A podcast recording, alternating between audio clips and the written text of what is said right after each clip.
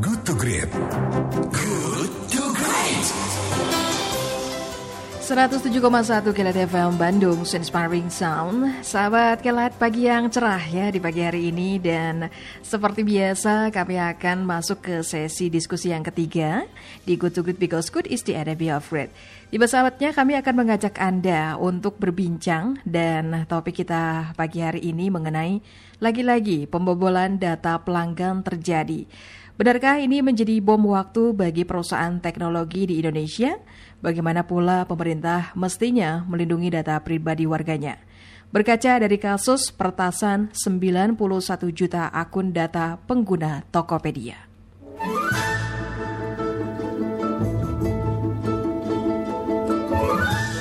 Sahabat Kelai, Tokopedia dilaporkan mengalami peretasan, bahkan jumlahnya diperkirakan 91 juta akun dan 7 juta akun merchant, tidak lagi 15 juta seperti yang diberitakan sebelumnya.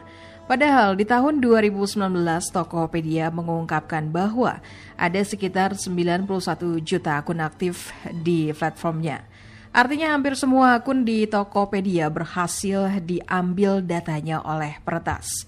Pelaku uh, menjual data uh, dark web berupa user ID, email, nama lengkap, tanggal lahir, jenis kelamin, nomor handphone, dan password yang masih terhash atau tersandi.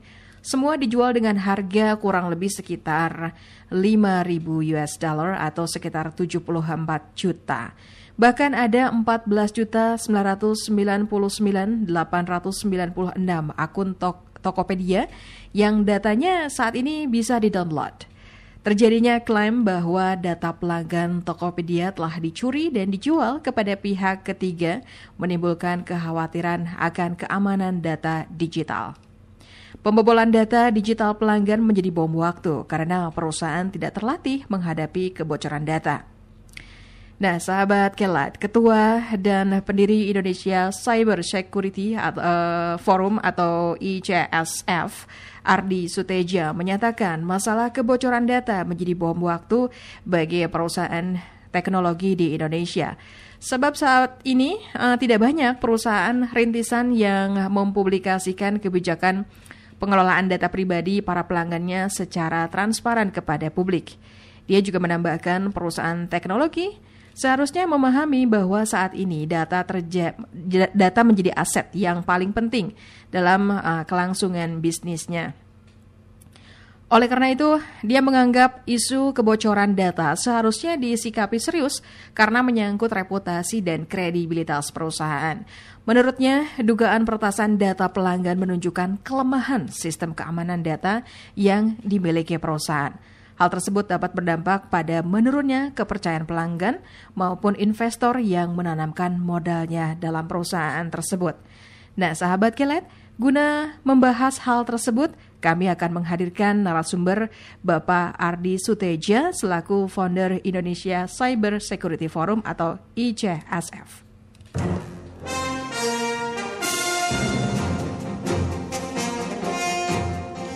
Halo, selamat pagi Pak Ardi. Selamat pagi Mbak Aska. Aduh, gimana nih Pak kabarnya Pak? Kita ketemu lagi nih. Alhamdulillah baik ya. Jakarta juga kebetulan eh, lagi panas, apa eh, cuacanya sangat cerah. Wow, sama. Bandung juga ini cerah banget Pak Ardi. ya, mudah-mudahan eh, apa seterusnya akan seperti ini cuaca dan itu ya, eh, apa tanda-tanda eh, apa adanya perbaikan ya eh, suasana. Amin, amin.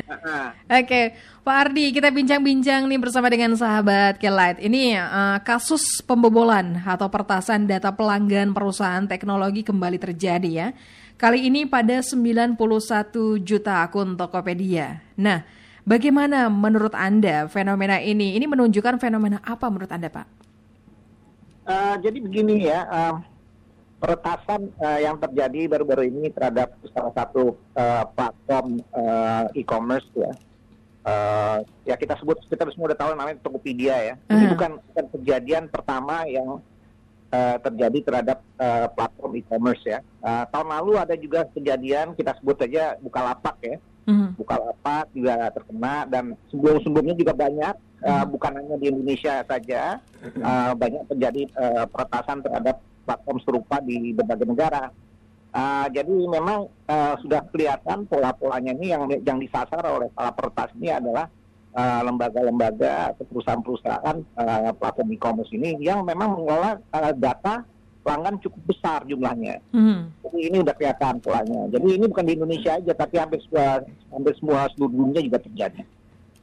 Oke, ya Pak Ardi, menurut Anda titik mana yang menjadi celah sehingga hal ini terus masih terus terjadi hingga sekarang?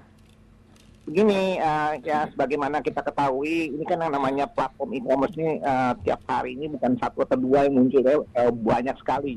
Uh, bahkan ada yang apa di uh, di berbagai negara ya uh, kita juga tahu ada Amazon ya terus uh, apa namanya uh, eBay ya eBay di kita ada apa yang yang sudah masuk unicorn kayak Tokopedia, uh, Bukalapak dan sebagainya ya. Mm-hmm. Artinya uh, ini uh, platform-platform e-commerce ini akan muncul muncul terus menerus dan sehingga apa banyak sekali pilihan. Mm-hmm. Dan mm-hmm. Uh, apalagi di di, uh, di saat uh, apa namanya kita sekarang menghadapi COVID-19 ini di mana sekarang kegiatan musik kita bergeser ke rumah. Yeah. Ya, mau nggak mau kita harus cari alternatif gimana kita bisa mendapatkan uh, apa barang-barang atau kebutuhan-kebutuhan kita dengan cara uh, cara yang tidak konvensional yaitu apa melalui online.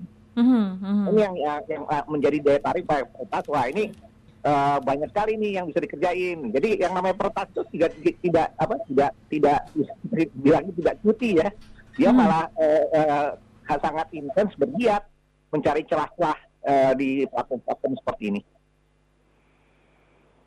Ya, Pak Ardi, ini uh, benarkah seolah menjadi bom waktu bagi perusahaan teknologi di Indonesia? Apa atau hal apa yang mestinya uh, yang diadaptasi oleh perusahaan teknologi dalam persoalan ini menurut Anda?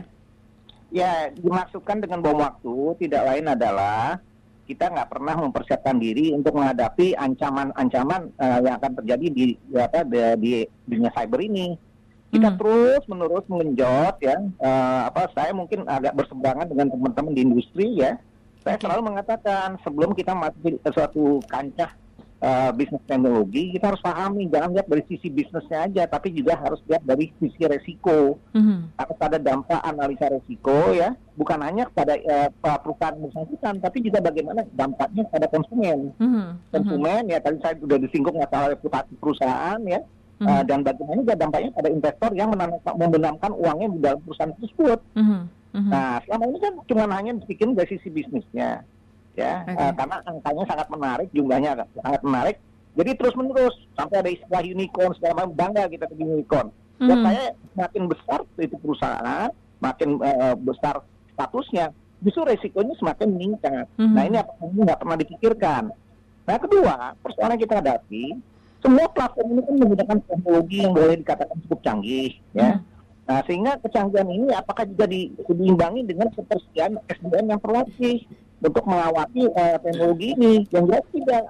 Kenapa? Kalau udah bicara keamanan cyber, Indonesia ini kan baru masuk ke bidang ini. Mm-hmm. Ya, kita baru memulai uh, bicara ini secara serius ketika kita membentuk yang namanya Badan Cyber dan Sandi Negara pada tahun 2017. Artinya apa?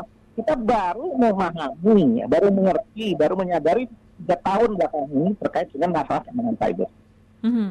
Iya, Pak Ardi ini uh, sebagai edukasi kepada publik, hal apa pula yang perlu dilakukan warga ketika mengakses atau memanfaatkan layanan perusahaan berbasis teknologi? Pertama, resep saya ya, uh, saya ingin sampaikan pada uh, pendengar uh, dan sahabat Kilight ya, jangan emosi ketika memilih platform uh, apa uh, digital untuk e-commerce ya karena pilihannya banyak. Yang paling penting ya bagi uh, konsumen, pelanggan, pengguna harus kritis ya. Yang paling pertama harus ditanyakan adalah hak dan kewajibannya ketika kita buka akun situ dijelaskan nggak oleh si penyelenggara apa namanya uh, platform ini hmm. mengenai hak dan kewajiban dan resikonya ya. Nah, apakah juga dijelaskan bagaimana uh, kebijakan tentang perlindungan data dan privacy dari para pelanggan? Nah kalau itu tidak bisa dijelaskan secara transparan, sebaiknya kita pilih alternatif lain yang memang memiliki keterbukaan ya atau transparansi terhadap informasi-informasi seperti ini. Mm -hmm. Ya, ini salah satu ya. Kedua juga peretasan ini terjadi bukan hanya di sisi penyelenggara platform. Peretasan ini juga bisa terjadi di sisi konsumen, di perangkat konsumen. Nah, Mhm. konsumen ini juga memiliki perangkat yang cukup handal ya, dan dapat didukung oleh apa, eh, aplikasi-aplikasi keamanan atau biasanya kalau di handphone itu kan sudah ada yang namanya eh, apa perangkat-perangkat eh, keamanan yang dari pabrik sudah ada, tapi eh, kita sering kali nggak sadar bahwa itu ada di dalamnya. Mhm. Ini kita sering kali tidak diaktifkan, Mhm. Baik. sehingga eh, sering terjadi eh, masalah ya peretasan ulang baik di sisi penyelenggara maupun di sisi pengguna. Mhm, mhm, mhm.